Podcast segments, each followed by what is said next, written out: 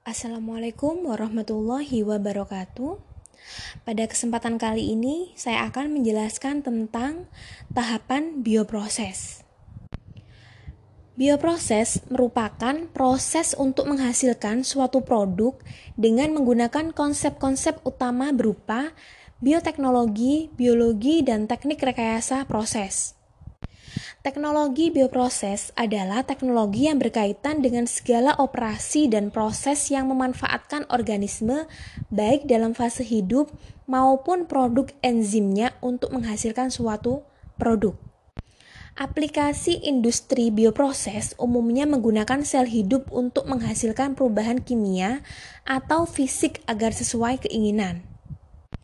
Proses biologis memiliki kelebihan dan kekurangan dibandingkan industri teknik kimia tradisional. Beberapa kelebihannya di antaranya yang pertama, kondisi operasi yang standar. Kondisi reaksi untuk bioproses adalah standar.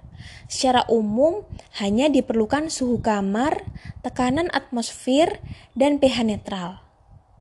Sebagai hasilnya, didapatkan fasilitas pabrik yang lebih sederhana dan kecelakaan kerja yang lebih minim dibandingkan pabrik kimia. Yang kedua yaitu spesifik. Katalis enzim umumnya memiliki spesifikasi yang tinggi dan bereaksi dengan satu reaksi kimia. Banyaknya varietas enzim memungkinkan produk yang dihasilkan semakin banyak dan seragam. Yang ketiga, efektivitas. Kecepatan katalis enzim biasanya lebih cepat dari katalis non-biologis. Kebutuhan konsentrasi enzim lebih kecil. Yang keempat, sumber terbarukan. Material baru untuk bioproses adalah biomasa yang keberadaannya sangat luas. Yang kelima yaitu rekombinan teknologi DNA. Perkembangan rekombinan DNA memungkinkan proses biologis lebih baik. 2. Kondisi lingkungan yang encer. Komponen dari produk komersial biasanya diproduksi dalam jumlah terbatas dalam medium cair. Oleh karena itu, separasi menjadi mahal. Karena umumnya, produk bioproses memiliki sensitivitas tinggi terhadap panas, maka separasi tradisional tidak bisa diterapkan. Diperlukan metode separasi yang lebih baik dan lebih modern. 3. Kontaminasi Sistem fermentor dapat terkontaminasi dengan mudah karena banyak bakteri dan jamur yang tumbuh di lingkungan sekitar. Problem umum yang sering dihadapi adalah pertumbuhan sel menjadi lambat karena adanya kontaminan. 4. Variabilitas. Sel lebih cenderung bermutasi karena perubahan lingkungan dan terjadi perubahan karakteristik sel. Selain itu, reaksi enzimatis lebih sensitif dan tidak stabil, serta terkadang membutuhkan penanganan khusus. Namun demikian, bioproses masih tetap menjadi teknik dalam produksi yang keberadaannya cenderung tidak bisa digantikan oleh teknik lain karena beberapa hal seperti yield yang tinggi atau hasil panen yang tinggi, keefektifan proses, dan faktor ekonomis. Tahapan bioproses terdiri dari satu Pemilihan jenis mikroba dua Formulasi media tiga Preparasi inokulum empat Proses fermentasi lima Kontrol proses enam Pemanenan produk yang terdiri dari pemisahan, pemekatan, dan pemurnian. Tahap pertama yaitu pemilihan jenis mikroba. Teknologi fermentasi merupakan teknologi untuk menumbuhkan sel dalam skala besar dengan efisiensi yang tinggi, termasuk juga proses-proses mendapatkan produknya. Proses utama yang berlangsung secara aktual dilakukan oleh mikroorganisme yang biasanya diistilahkan sebagai biokatalisis. Mikroorganisme atau biokatalis bertindak sebagai mesin utama baik untuk menghasilkan produk maupun melakukan transformasi kimia. Dalam teknologi fermentasi, mikroorganisme menentukan berhasil atau gagalnya proses bioteknologi, sehingga harus dipilih mikroorganisme yang dapat menghasilkan produk atau menjalankan proses transformasi yang diinginkan. Oleh karena itu, tahap awal dalam merancang proses fermentasi adalah mendapatkan mikroorganisme yang sesuai dengan memilih yang paling potensial untuk diaplikasikan dalam industri. Syarat mikroorganisme yang dapat dipilih untuk proses fermentasi dalam industri antara lain satu, mampu menghasilkan produk dan mutu produk yang tinggi atau komersial. Dua, secara genetik mikroorganisme harus stabil. Tiga, strain harus dapat dibuat kultur murni, bebas dari mikroorganisme lain. Empat, strain harus dapat tumbuh seragam dan cepat setelah inokulasi ke dalam fermentor harus dihindari kemungkinan terjadinya reaksi dengan peralatan. 5. Mudah di scale up atau ditingkatkan dalam skala besar. 6. Strain harus dapat menghasilkan produk sesuai keinginan dalam periode waktu tertentu, bebas dari produk toksik atau pecahnya sel. 7. Strain harus mampu melindungi diri dari kontaminan. Proteksi diri dapat dilakukan dengan menurunkan pH, mampu dikultur pada temperatur tinggi atau menghasilkan agen antimikrobial. 8. Strain harus dapat dilakukan manipulasi genetik. 9. Strain harus mampu dipelihara untuk waktu yang lama dengan stabilitas dan viabilitas yang tetap tinggi. Strain idealnya dapat ditumbuhkan dengan kebutuhan unsur hara yang sederhana dan murah. Tidak memerlukan penanganan yang rumit dalam hal kebutuhan nutrisi dan proses produksi. Keuntungan menggunakan mikroorganisme dalam bioproses yang pertama, memiliki laju pertumbuhan yang sangat cepat. Yang kedua, mudah beradaptasi. Yang ketiga, dapat menggunakan produk sisa sebagai substratnya. 4. Dapat ditumbuhkan secara terus-menerus atau continuous dalam skala besar atau memiliki keuntungan ekonomi.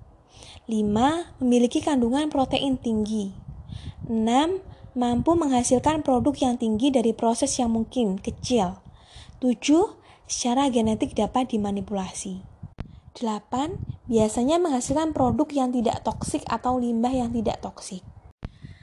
Tahap yang kedua yaitu formulasi media. Semua proses fermentasi yang dilakukan oleh mikroorganisme memerlukan media yang sesuai, baik media broth atau cair, semi padat, atau padat. Umumnya, proses fermentasi ada beberapa tahap yang masing-masing perlu media yang berbeda. Misalnya, antara propagasi inokulum dan fermentasi utama sering kali berbeda dalam macam nutrisi maupun formulasi mediumnya. Syarat-syarat media yang dapat digunakan dalam proses fermentasi yang pertama, mengandung nutrisi sebagai sumber energi bagi sel yang dibutuhkan bagi pertumbuhan sel. Yang kedua, tidak mengandung zat yang menghambat pertumbuhan sel. Yang ketiga, tidak terdapat kontaminan yang dapat meningkatkan persaingan dalam penggunaan nutrisi. Yang keempat, harus mengandung semua elemen yang cocok untuk sintesis substansi sel maupun sintesis produk metabolit. Yang kelima, nutrien yang terkandung harus dapat diformulasikan untuk menghasilkan produk target, biomasa maupun metabolit spesifik. Selain syarat-syarat yang telah disebutkan tadi, pada skala besar harus dipakai sumber makanan yang relatif murah dan memenuhi syarat sebagai berikut. 1. Memproduksi hasil sebanyak-banyaknya. 2. Memenuhi kadar produk atau biomasa sebanyak-banyaknya. 3. Memproduksi produk yang tidak diinginkan sekecil-kecilnya. 4. Murah, mutu terjamin, mudah diperoleh. 5. Menimbulkan efek samping sekecil-kecilnya akibat proses produksi seperti aerasi, agitasi, ekstraksi, pemurnian, dan pengolahan limbah.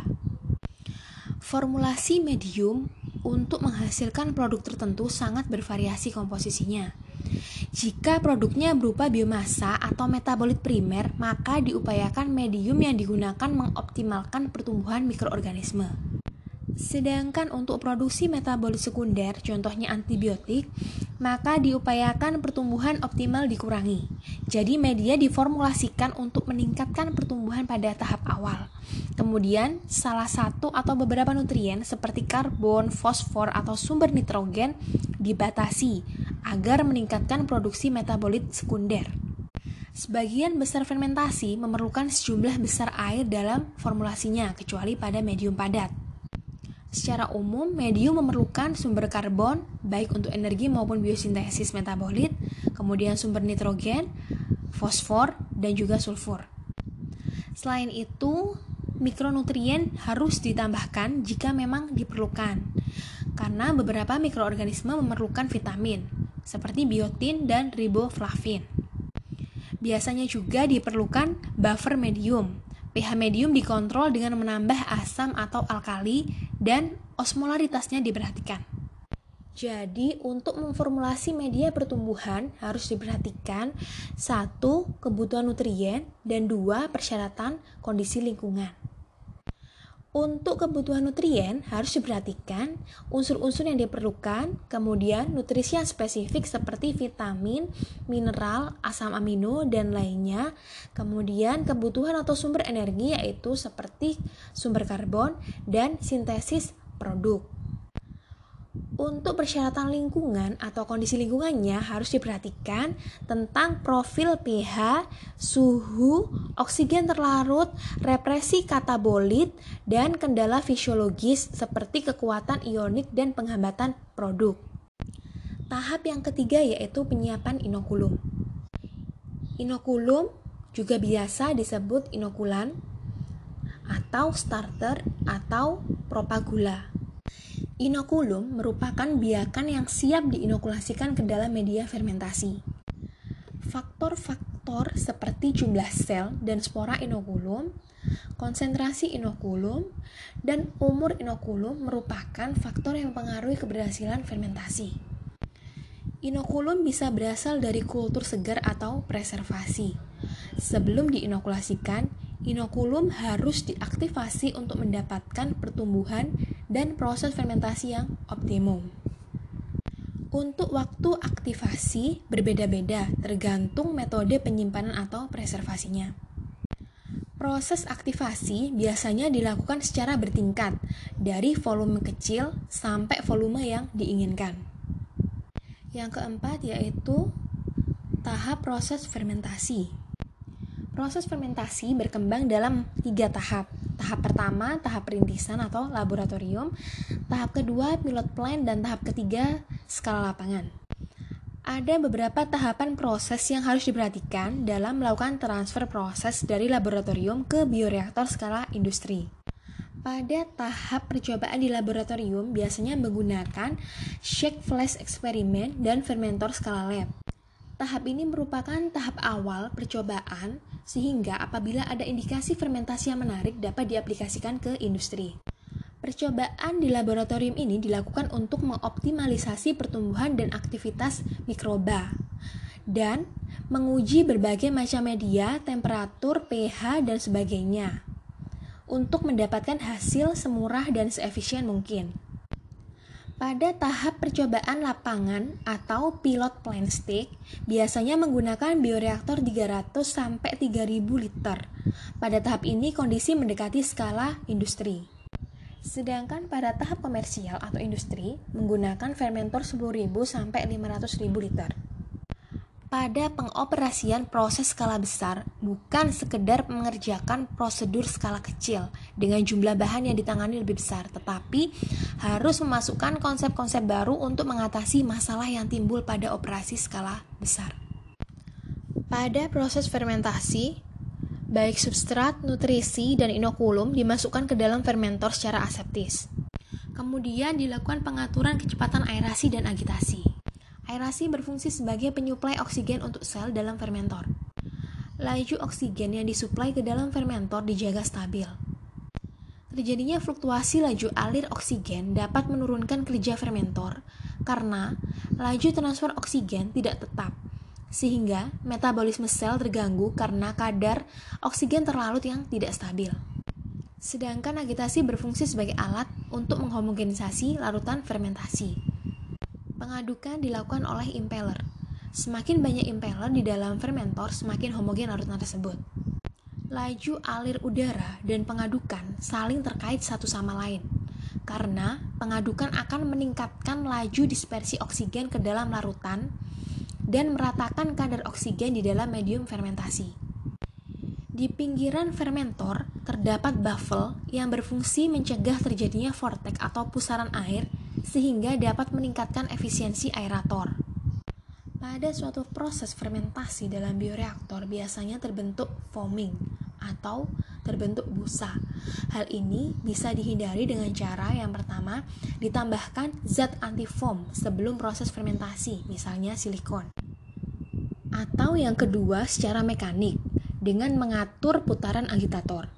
Hal ini lebih aman karena zat kimia yang terlalu banyak ditambahkan ke medium dapat menjadi inhibitor pertumbuhan mikroba. Tahap kelima yaitu kontrol proses. Sel mikroba terdiri dari senyawa organik seperti protein yang mudah berubah sifat akibat perubahan fisika atau kimia. Maka, selama proses di dalam bejana fermentasi harus diperhatikan beberapa faktor fisika atau kimia yang mungkin timbul yang dapat mempengaruhi jalannya proses fermentasi. Faktor-faktor yang perlu dikontrol antara lain satu keberadaan air, dua pH, tiga keberadaan oksigen, yang mempengaruhi mikroba aerob atau anaerob. 4. Suhu. Bila terlalu tinggi akan memecah protein. 5. Kekentalan yang akan mempengaruhi tegangan permukaan. 6. Homogenitas. 7. Kemungkinan kontaminasi. 8. Kemungkinan timbulnya busa atau foaming. Tahap yang keenam yaitu pemanenan produk. Hasil proses fermentasi adalah bermacam-macam produk, yaitu biomasa sel, bioenzim, metabolit, biokonversi, sisa makanan, dan hasil samping yang tidak diinginkan. Untuk memperoleh hasil masing-masing produk yang diinginkan, harus dipisahkan dan dimurnikan sehingga diperoleh produk yang bermutu. Teknik pemisahan tergantung produk yang akan dipisahkan dengan perhatikan satu Produk dalam atau intraseluler atau luar sel atau ekstraseluler. 2. Konsentrasi produk. 3. Sifat fisik atau ukuran partikel dan lain-lain dan sifat kimia. 4. Tujuan penggunaan produk. 5. Kemurnian yang diharapkan. 6. Harga produk dan pertimbangan ekonomi lain. Teknik pemisahan secara umum meliputi satu pemisahan senyawa larut dan tidak larut dengan beberapa teknik seperti filtrasi, sentrifugasi, dan pemecahan gel. Yang kedua, teknik isolasi dengan teknik ekstraksi dan absorpsi. Yang ketiga, pemurnian produk dengan teknik kromatografi, pengendapan, ultrafiltrasi, dan elektroforesa. Dan keempat, pekerjaan akhir dengan teknik kristalisasi, pengeringan, pengendalian, dan tindakan terhadap kemungkinan pengotoran lain. Sekian untuk penjelasan tahapan bioproses. Terima kasih atas perhatiannya. Wassalamualaikum warahmatullahi wabarakatuh.